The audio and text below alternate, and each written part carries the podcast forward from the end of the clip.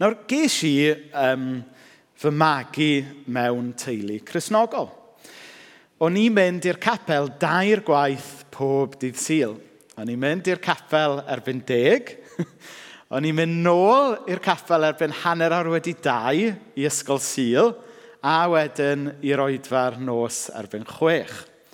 A dyna, a tyfod, a dwi ddim o'r hyn a hynny, oedd hwn ddim cam mlynedd yn ôl, oedd hwn yn y 1990s yn Aberystwyth.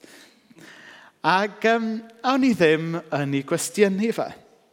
Oedd y, y sil Cymreig dal yn sil Cymreig.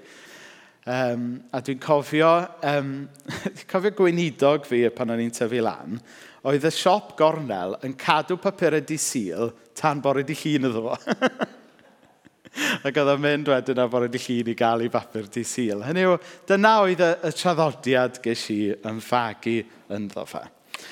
Ond be bynnag am i reolau a'i, a, a'r deddfoddoldeb oedd yn dod gyda fe, oedd e'n fagwraeth hapus. Ac oedd e'n fagwraeth nath y magu i gredu mewn Dyw.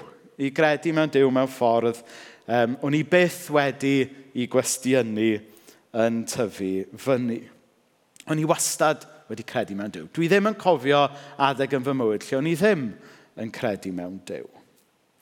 Ond wedyn, pan o'n i yn fy arddegau, nes i gredu mewn ffordd fwy personol, chi'n gwybod. Yn yw, pan o'n i yn fy arddegau, nes i um, sylweddoli fod ffydd, er bod e'n rhywbeth sy'n gallu cael i basio o un cenhedlaeth i'r llall, a bod o'n bwysig yn bod ni yn ei basio fe o un cenhedlaeth i'r llall. Nes i sylweddoli hefyd fod, fod ffydd um, yn y galon ddim yn rhywbeth oeddech chi dim ond yn gallu i etifeddu. Ac mae yna, mae yna ddywediau gan rhai yn dweud, God has no grandchildren. Hynny yw, bod rhaid i bob cenhedlaeth ddod i gredu dros dy fe ei hun yn y diwedd. Er mor werthfawr ydy'r dylanwadau, er mor bwysig oedd yn mod i wedi cael fy magu um, mewn teulu chrysnogol ac, ac yn mynd i'r capel falle bod dim angen mynd tair gwaith y sil, gai awgrymu'n garedig. Ond er mor werthfawr oedd hwnna i gyd, pan o'n i yn farddegau, nes i gredu drosto fi fy hun. Nes i hawlio be o'n i eisoes yn ei gredu, rili, really, a roi lle iddo fe yn fy nghalon. Wedi dweud hynny, Rai blynyddoedd wedyn pan eis i off i'r um, brifysgol, yn bell iawn, pedwar milltir lawr y ffordd.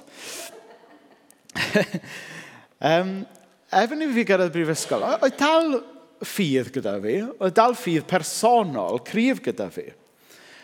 Ond o'n i wedi dadrithio gyda'r eglwys fel sefydliad am wahanol resymau. Chydig ohono, just achos o'n i'n berson ifanc, efe. So mae pobl ifanc, maen nhw wastad mynd i, mynd i rebelio'n erbyn be maen nhw wedi cael i magu yn ddo. Ddo just, chyfo, mae'n just rhan o tyfu fyny yn dydy. Cofio, um, mam yn rili really stryglo gyda fi am gyfnod. Ddim achos bod fi'n yfed lot, ddim achos bod fi'n neud drugs, achos bod fi wedi mynd i capel gwahanol bless her soul, ynddo fe. Mae dyna gyd o mam goffo poeni amdano bod fi wedi newid enwad. Mae hwnna'n rhoi rhyw snapshot i'r magwraeth di niwed ges i am hwnni. Ond be bynnag, um, nes i gochi diddordeb yn yr eglwys. Dal, o'n i dal yn credu, chi'n gwybod, ond nes i gochi diddordeb yn yr eglwys fel sefydliad. A hwnna, fel o'n i'n dweud, oedd peth o fe hyrwyd jyst, o'n i'n ifanc ac o'n i eisiau rabelio'n erbyn rhywbeth.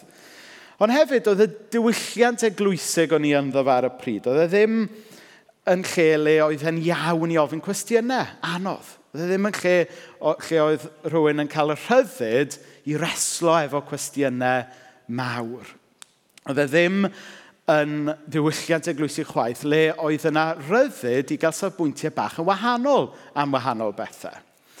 Oedd yna lot o bethau da am y diwylliant eglwysi ges i fagu ynddo, ond oedd na elfennau hefyd le oedd e ddim yn rhywle oedd person ifanc yn gallu explorio'r ffydd, reslo efo cwestiynau bywyd, um, a ffeindio heddwch mewn credu, oce, okay, da ni gyd yn credu yn Iesu, ond ar y pethau bach yma, eich ni gael sefbwyntiau bach yn wahanol. A oherwydd bod fi fel person ifanc ddim wedi cael y spes yna, nes i golli ysbryd, nes i golli diddordeb yn yr eglwys.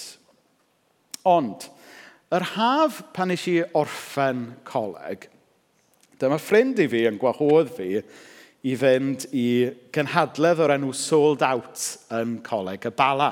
A dwi'n gwybod bod rhai pobl ifanc o bosib o yma, yma weekend yma digwydd bod. A'r haf yna, un o'r um, siaradwyr oedd dyn o'r enw Andrew Ollerton. Ac, um, a dwi'n cofio cyrraedd y lle yma, Um, ac o'n i yn... Um, o'n i'n hollol sioct, achos o'n i'n mynd i'r bala, tyfod, o'n i'n mynd i... O'n i'n gwybod fi'n mynd i rola oedd eglwys Presbyteraidd Cymru yn, yn rhedeg. A chyfo be, oedd y pregethwr yn pregethu'n Saesneg. Oh gosh, o'n i mor offended. Yn, yng nghanol fy malchder, yng nghanol, tyfod, tyfod, o'n i'n aelod brwd o Cymdeithas yr Iaith ar y pryd, ac Ac o'n i fel, beth mae'r sais yma yn neud yn dod i'r bala i bregethu ata ni yn Saesneg. A tyfod, ac um, ond, a dyma'r wers, ond drwy bregethu Andy Ollerton yr wythnos yna, yn benodol drwy bregethu Philippiaid, so dyma pam dwi'n rhoi'r cyflwyniad hir iawn yma, um, trwy'r pregethu yna, yn y Saesneg, Nath Dyw ddeffro rhywbeth newydd yn fy nghalon ni. Nath o rhywsyd ddod ar holl ffydd yma o'n i wedi cael ers bod fi yn blentyn. Nath o ffrwydro fo fyny mewn i rhywbeth byw. Nath o ail danio calon fi dros yr eglwys. A dyna nath rhyw fath o, nid ni'n unig bod ydi dod â'n ffydd i'n fyw, ond nath o hefyd dechrau daith o, o fi yn endo lan yn weinidog arna chi wedyn, ti'n gwybod? A reswm pob bod fi'n rhannu'r stori yma yw, mewn ffordd hollol weird, oedd angen iddo fo ddigwydd yn Saesneg. Na reswm pam dwi'n deud hyn yw, achos oedd, oedd dwi'n fwy Cymraeg na unrhyw un. Dwi'n hollol cefnogol i Gymraeg a dwi'n falch bod ni yn capel Cymraeg a popeth. Ond rhywsut, mae angen i ddiw siarad gyda chi o gyfeiriad anusgwyl weithiau i chi glywed i air mewn ffordd newydd. Chi'n deall beth sy'n gyda fi? A, ac i fi, oedd jyst clywed yr anerchiadau yna'n Saesneg yr wythnos yna. Tyba, I rywun arall, falle bod e yn mynd i...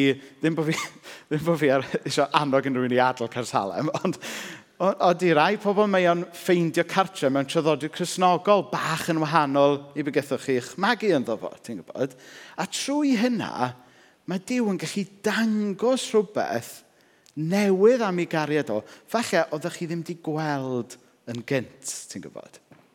Um, a dwi'n meddwl, oedd o'n arwydd y cael iawn, mae, mae llythyr Pôl at y Philippiaid oedd Andrew Olton yn siarad amdano'r wythnos yna. Achos, Mae e'n llythyr byr i ddechrau, yn tydi? Ond mae e'n llythyr cynnes iawn. Mae jyst gymaint ynddo fe ynglyn â pwy ydy Iesu, ond mae gymaint ynddo fe hefyd ynglyn â cymdeithas y saint, ynglyn â pwysigrwydd bod ni'n byw y ffydd grisnogol mewn cymuned gyda'n gilydd. A fel nath um, un o'n hoff bregethwyr i Brian Zand um, ddeud yn ddiweddar, Christianity is not a solo project. Dwi watcha, nes i watcha um, rhan gynta documentary Robbie Williams ar Netflix neithiwr. Unrhyw un all di watcha fe? Na, oh gosh. Fy nghyfnod i yn 90au, oce? Okay? Ac tyfo, Robbie Williams nath adl take that a mynd, a mynd ar solo project. A dyn ni'n chi'n meddwl dyd o, fyddai'n well ar ben fy hun. Tyfod, Robbie Williams meddwl oedd y well fi'n. Ddeu gwir, oedd Robbie Williams yn well ar ben ei hun. Ond anyway, am hynny. Ond Cresnogaeth, Christianity, is not a solo project. Da ni yn gallu annog yn gilydd, cerdded efo'n gilydd, yn well fel disgyblion ar y daith yna efo'n gilydd. A mae llythyr Paul at y Philippiad yn atgoffa ni ynglyn â hynna. A mae yna ddau thema fawr sydd yn yr adnodau olaf yma um, yn llythyr Pôl at y Philippiad. Y thema gyntaf ydy um, rhoi yn hael. Um, da ni'n gweld o'r adnodau yna oedd, oedd yr eglwysi wedi bod yn rhoi yn hael i gofalu ar ôl Pôl a bod hwnna'n dod allan o'i ffydd nhw. Nawr byddwch chi'n falch gweld bod fi ddim yn mynd i pregethu bor yma ynglyn â rhoi.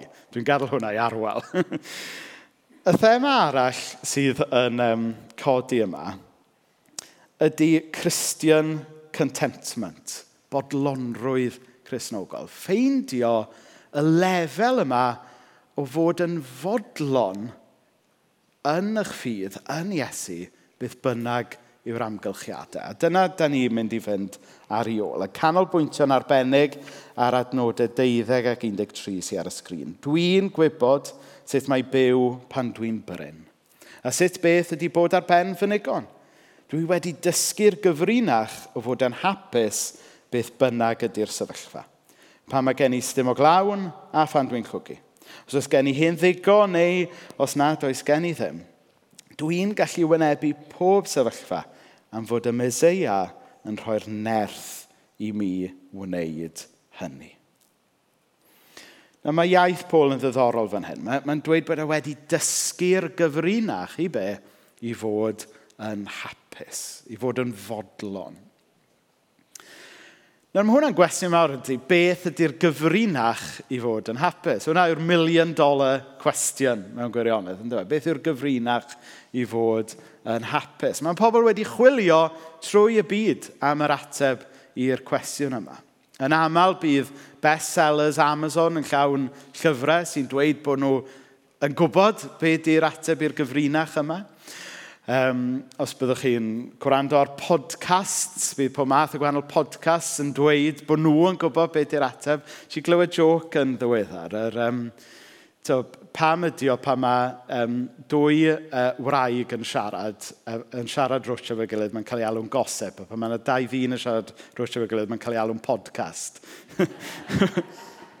Hwna'n dda, dydy. Anyway, um, A mae lot o podcast yn dydyn yn, yn trio datgloi to beth ydy o i, i fod yn hapus.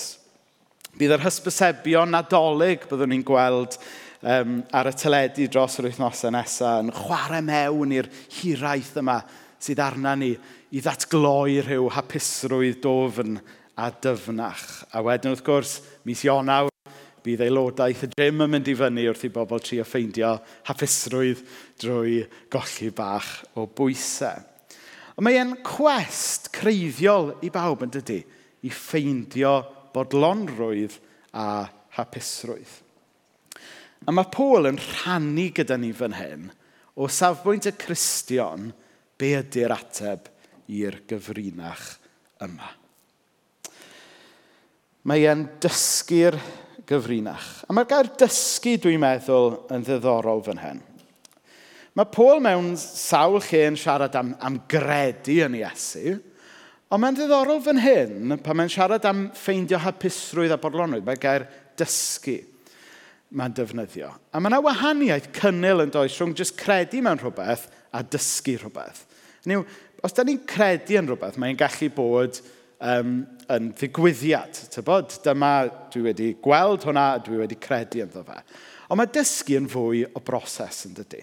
A mae hwnna'n disgrifio'n well ynglyn â beth ydy o'i ffeindio hapusrwydd a bodlonrwydd mewn ffydd. Oherwydd, mae, mae ffeindio um, yr lefel ddofn yma o heddwch sydd i gael yn Iesu. Rhywbeth da ni'n goffo gweithio allan trwy profiadau bywyd ac yn aml drwy bywyd i gyd. Yn rhai wythnosau yn ôl, um, o'n i'n edrych ar rhan lle oedd um, Paul yn sôn am yr alwad i weithio allan eich iachawdwriaeth. Um, to work out your salvation. A mae e'n wir yn dydy hynny, da ni'n gallu credu mewn Dyw, da ni'n gallu trystio yn Iesu, ond wedyn mae'n cymryd bywyd wedyn, yn dydy? i weithio allan sut mae ffeindio yr heddwch a'r hapusrwydd a'r bodlonrwydd dofn yna. Mae angen i'r ffydd gael ei brofi rhywsut er mwyn gweithio fe allan. A mi oedd Paul yn gwybod rhywbeth ynglyn â beth oedd e i testio i ffiddo pan oedd pethau'n anodd. Oherwydd, nath e sgwennu y geiriau yma, nid um, sipian rhyw cocktail ar y traeth yn Gwlad Groeg. Ond nath e sgwennu hwn tra oedd e yn y carchar yn Ephesus. Oedd e'n gwybod beth oedd e i ddioddau. Oedd e'n gwybod beth oedd e i gael ei ffydd wedi cael ei brofi yn y tân. Nawr, un o'r pethau um, dwi wedi bod yn stryglo gyda uh, ers blynyddoedd, yn arbennig to, yn yngwaith i fel um, gweinidog i chi, ydy bod fi'n ymwybodol iawn o fy mreintiau i. Hynny yw, dwi dal yn relatively ifanc. Dwi ddim yn 40 eto, so... O'n i arfer deud, oedd dwi dal yn ifanc, dwi ddim yn 30 eto. No, dwi, dwi, dwi bron, dal yn ifanc, dwi ddim yn 40 eto. Ac dwi ddim a bod yn hollol onest gyda chi, dwi ddim wedi profi lot o bethau anodd mewn bywyd. Ges i fagwraeth, hapus iawn. Um, strygl bach gyda, gyda tegau gwyddoniaeth, bod yn onest. Ond that's about as bad as it gets. Dwi'n dwi, cyffesu bod fi ar cyfan wedi cael um, bywyd eitha hawdd. Um, ond mae'r flwyddyn diwetha wedi bod yn fwy heriol, fel mae rhai ohonoch chi yn gwybod. Ac um, chydig wythnos yn ôl, ddys i ar draws y, yr dyfyniad yma gath i rannu gan Nicky Gumbel, oedd yn deud fel hyn. A faith that hasn't been tested cannot be trusted. Yna ddweud mawr yn dydy. A faith that hasn't been tested cannot be trusted. Ond i ryw raddau, dros y flwyddyn diwetha pan dwi wedi bod yn sal, dwi yn teimlo bod yn ffyddi wedi cael ei brofi mewn ffordd dydw ddim wedi cael ei brofi cynt. Ond dwi'n gobeithio mod i wedi dod trwyddo fo efo ffydd wahanol ond dyfnach. A dwi'n gweld sawl person nodio nawr. Dwi'n siŵr bod chi wedi bod trwy bethau lot mwy na be dwi wedi bod trwyddo. Ac am gyfnod byr, falle bod eich ffydd chi wedi cael ei ysgwyd, ond ydych chi falle'n gallu edrych nôl a gweld bod Dyw wedi Ddim bod Dyw, a mae hwn yn bwysig, ddim bod Dyw wedi danfon y peth anodd yna i chi. Hynny mae peth anodd yn dod oherwydd bod ni'n byw mewn byd wedi syrthio ar un drwg sy'n danfon peth anodd. Okay? So, dwi ddim yn credu bod Dyw yn fwriadol yn danfon peth anodd. Ond, pan mae peth anodd yn dod, dwi'n meddwl bod Dyw yn gallu defnyddio hwnna wedyn i ddangos rhywbeth newydd amdano fe ei hun. I ddangos rhywbeth newydd ynglyn â'i gymeriadau. E, I ddangos rhywbeth newydd ynglyn â'i gariadau. E, a wedyn bod chi'n dod allan o'r peth yna gyda ffydd wahanol falle, ond gobeithio ffydd ddyfnach. Rai misoedd yn ôl oedd clywed doctor yn dweud wrtha i be oedd teulu a ffrindiau wedi bod yn dweud spel cyn hynny, yn brofiad gostynedig. O'n i wedi bod yn dioddef fel mae rhan fwyaf chi'n gwybod o orbryder ac o burnout ac o'n i angen cyfnod i ffwrdd o'r gwaith. Ac, um, efo, pan o'n i, cyn i hwnna ddigwydd i fi, iawn, dwi'n deud lot, dwi'n bod yn onest iawn, cyn i fi, pan o'n i wedi clywed am ffrindiau fi o'r blaen wedi cael cyfnod o'r gwaith, o'n i arfer meddwl, o, dyna neis. A ty pan mae'n digwydd i chi, di o ddim yn neis. Achos, da chi'n goffod llyncu gymaint o falchder. a da chi'n goffod reslo gyda lot o, o bethau ynglyn â'ch hunaniaeth chi. Achos yn aml iawn mae lot o'n hunaniaeth ni'n troi o gwmpas yn, yn galwad a'n gwaith ni. So pan nath hwnna ddigwydd i fi, a rywydd, wrth gwrs, o'n i'n falch bod fi yn cael amser i ffwrdd o gwaith, i wella ac yn y bain, a o'n i mor ddiolchgar bod chi fel eglwys yn, yn cefnogi fi'n hynny. Ond nath e arwain fi i ofyn cwestiynau ysbrydol dofn hefyd ynglyn â pwy oeddwn ni, ynglyn â um, sut o'n i'n mynd o gwmpas yng ngalwad i. A mewn geiriau eraill, nath e arwain fi i le o edifeirwch. Lle oedd rhaid i fi ailfeddwl y ffordd o'n i'n meddwl am rhai pethau. Chos dyna un ffordd o, o diffinio edifeirwch, yw to rethink your thinking. Ddim bod fi erioed wedi pellhau o'r ffydd, ond weithiau o'n i'n byw y ffydd yn fy ffilms fy hun, tybod.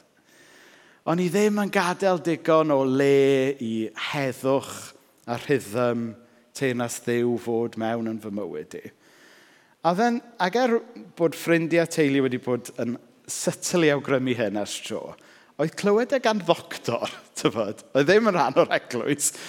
Um, a to, hyd y gwrdd i ddim yn credu dim byd. Oedd clywed e y farna wedi dod â fi i le o edifeirwch. Lle o'n i'n gosod popeth i lawr er mwyn codi nhw nôl i fyny mewn ffordd oedd yn fwy onest ac yn fwy trew i fwriad dew ar gyfer fy mywyd i. Ac um,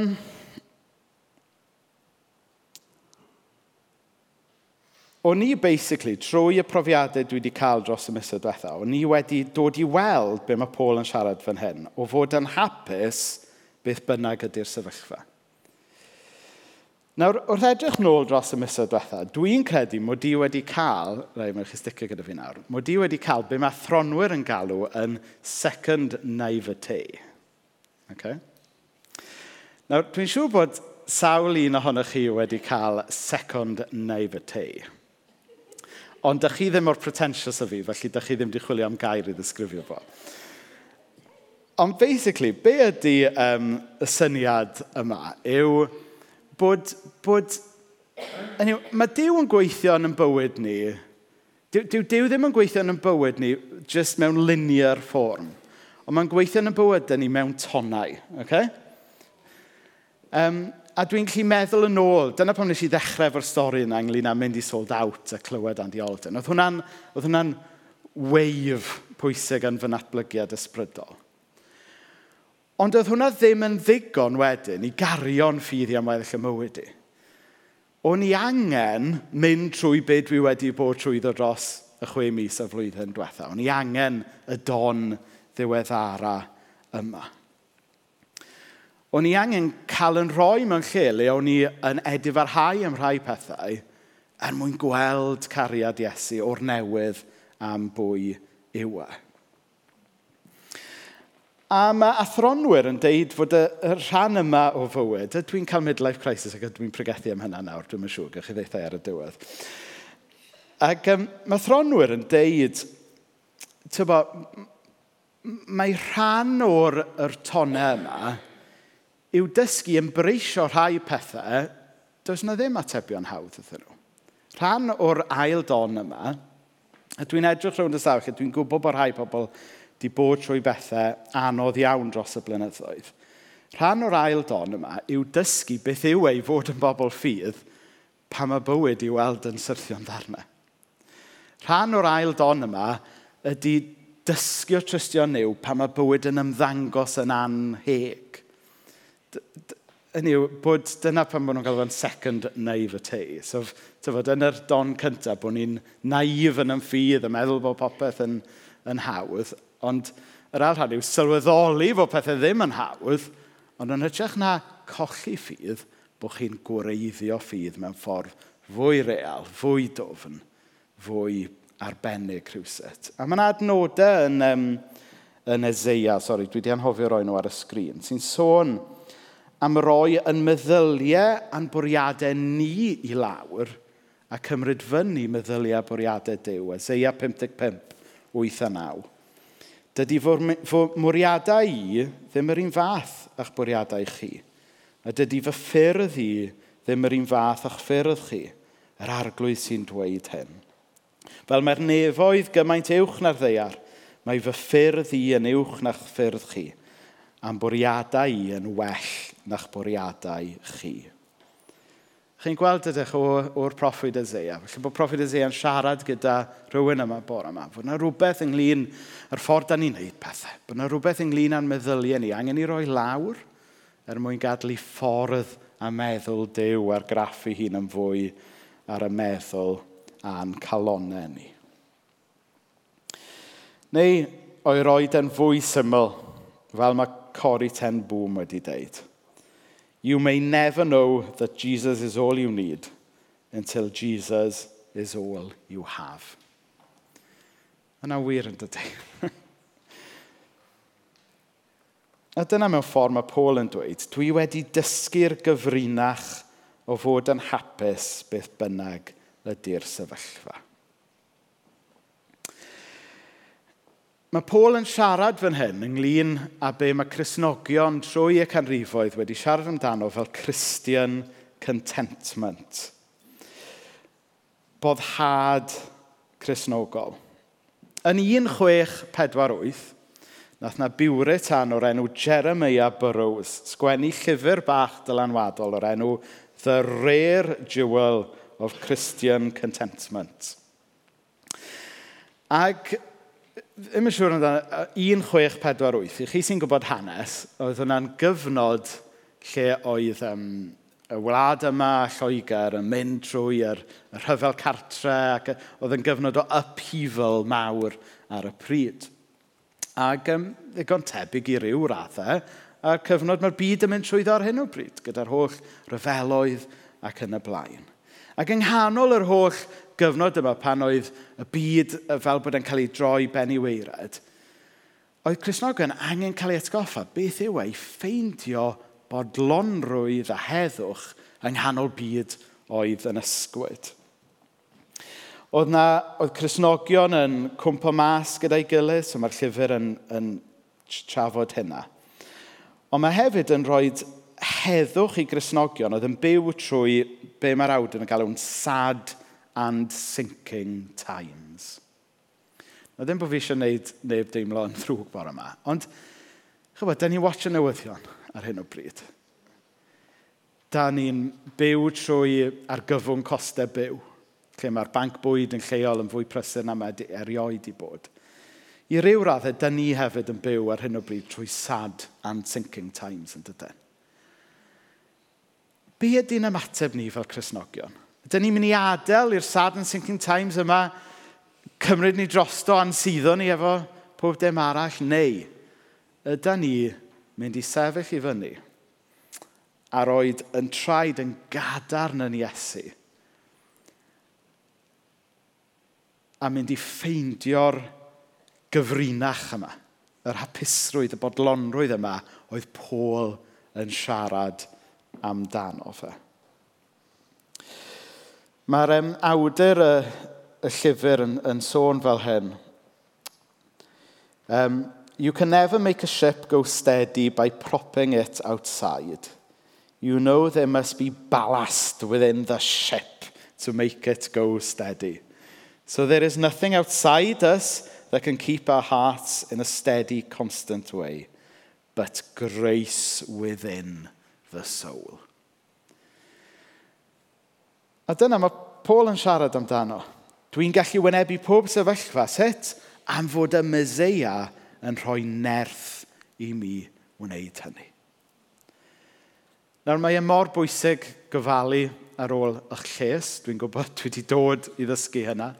Mae e mor bwysig mynd i weld y doctor pan da chi angen mynd i weld y doctor. Mae e mor bwysig troi at ffrindiau pan da chi angen troi at ffrindiau. Ond y peth mwyaf pwysig yw bod eich enaid chi mewn lle o heddwch gyda Dyw. Bod chi'n gadlu Iesu fod y balast yna yn ddofn o fewn eich enaid chi. Nawr, dwi am wahodd y band i fyny nawr, ydym ni'n mynd i gael um, amser o weddi. Um, mae Paul yn um, gorffen i neges at y Filipiaid gyda'r um, adnod yma. Dwi'n gweddio y byddwch chi'n profi heilioni rhyfeddol ein harglwydd Iesu Grist. A dyna dwi yn gweddio byddwch chi yn profi. Um, falle bod rhai ohonoch chi'n mynd trwy amseroedd anodd ar hyn o bryd. Dwi'n gweddio y bydd bydd Dyw yn helpu chi trwy'r amser anodd yna ac yn dangos rhywbeth newydd o'i gymeriadau falle trwy'r profiad anodd yma. Felly bod rhaid chi'n eistedd nôl a meddwl, well, actually, mae bywyd yn oce okay i fi ar hyn o bryd. Wel, dyma yw'r amser i fuddsoddi yn Iesu pan mae gennych chi egni a pan mae gyda chi amser. Dyma yw'r amser i roed eich gwreiddiau yn Iesu, achos rhyw ddydd mae storm yn dod. Dyma yw bywyd. Nawr, um, mae'n dymor yr hydref ar hyn o bryd. A mae'n... Um, O'n i wedi gobeithio dod a lot o ddail bore yma, ond wrth gwrs nes i ddeffro, gyda'n bwrw glaw a gyda'r holl dail dim yn sogi. Ond... Nawr, um, mae dail ar hydref, gewch chi chwarae rhywbeth tawel yn y cefndir. Mae, mae, mae dail ar hydref, maen nhw'n ma nhw hardd iawn yn dydyn. Ond Ond mynd i ffwrdd maen nhw, ynddo? Tw, marw maen nhw. Ond, dyna sut mae natur yn gweithio, ynddo? Mae, mae rhaid i'r i dail eleni fynd a marw er mwyn i'r twf newydd ddod yn y gwanwyn. Ac um, ffrind wedi rhannu'r delwedd yma efo fi wrthos yma, o'n i'n meddwl oedd yn arbennig o, um, o bwerus. Ac A o'n i jyst yn meddwl, wel, mae'r un peth yn wir ynglyn â'n bywyd ysbrydol ni'n dydy. Weithiau mae rhaid ni adael i rai bethau mynd. Pethau oedd falle yn, yn werthfawr am gyfnod, ond mae rhaid i ni beidio dal ar ddail yr hydref, ond yn hytrach disgwyl mlaen i flagur newydd y gwanwyn. Nawr dwi'n meddwl bod hwnna'n wir ynglyn â'n tonau ni wrth dyfu fel disgyblion efo Iesu. Er mor arbennig oedd y, y profiad yna geis i yn y bala pan o'n i'n un ar hugian, o'n i ddim wedyn yn gallu byw ar hwnna am weddill y mywyd. Mi oedd rhaid i fi ffeindio um, ail ddarganfod cariad Iesu i fi ym mhob tymor o fywyd. Rhyn peth a, a pobl ddew yn yr hen amser, oedden nhw methu byw ar fanna ddoi y Dyw yn darparu manna newydd iddyn nhw pob dydd. Ac er mor hardd ydy dael yr hydref, maen nhw'n mynd. Ond mae twf newydd y gwanwyn yn dod. Nawr, gen i blygu pen mewn gweddi, ac um, a na i weddio, os ydy'r weddi yma'n golygu rhywbeth i chi a bod chi eisiau gweddi pellach, um, dewch ata i ar y diwedd. O ddiw dad, um, da ni'n diolch am yr anogaeth yma oedd gan Pôl i'r Philippiaid. I ni'n diolch er gweitha popeth ath ei trwyddo bod e yn hapus yn o ti, bod e'n fodlon yn o ti o ddew dad. Ac o ddew dad, dwi jyst yn codi unrhyw un yma bore yma sydd sy wedi bod trwy'r drol yn ddiweddar. Unrhyw un lle mae um, gofidiau'r byd wedi dwy'n i llawenydd nhw yn ddiweddar i ni'n gofyn iddyn nhw edrych ar ddail yr hydref o'i cwmpas a cofio bod y dail yna yn y diwedd mynd i fynd, ond bod nhw'n mynd er mwyn gwneud lle i dyfiant newydd. Felly o ddiw dad, i ni'n gofyn i ti ddod â tyfiant ysbrydol newydd y mywyd pawb sy'n agored i hynny. I ni'n gofyn i ti ddod â tyfiant ysbrydol newydd yn yn bywyd ni fel eglwys o ddiw dad. I ni'n gofyn i ti helpu ni adael i fynd ar um, ddail ddoe a bod na gored i weld ffrwyth y dyfodol y ddiw dad. You can never make a ship go steady by propping it from outside – So there is nothing outside us that can keep our hearts in a steady, constant way, but grace within the soul.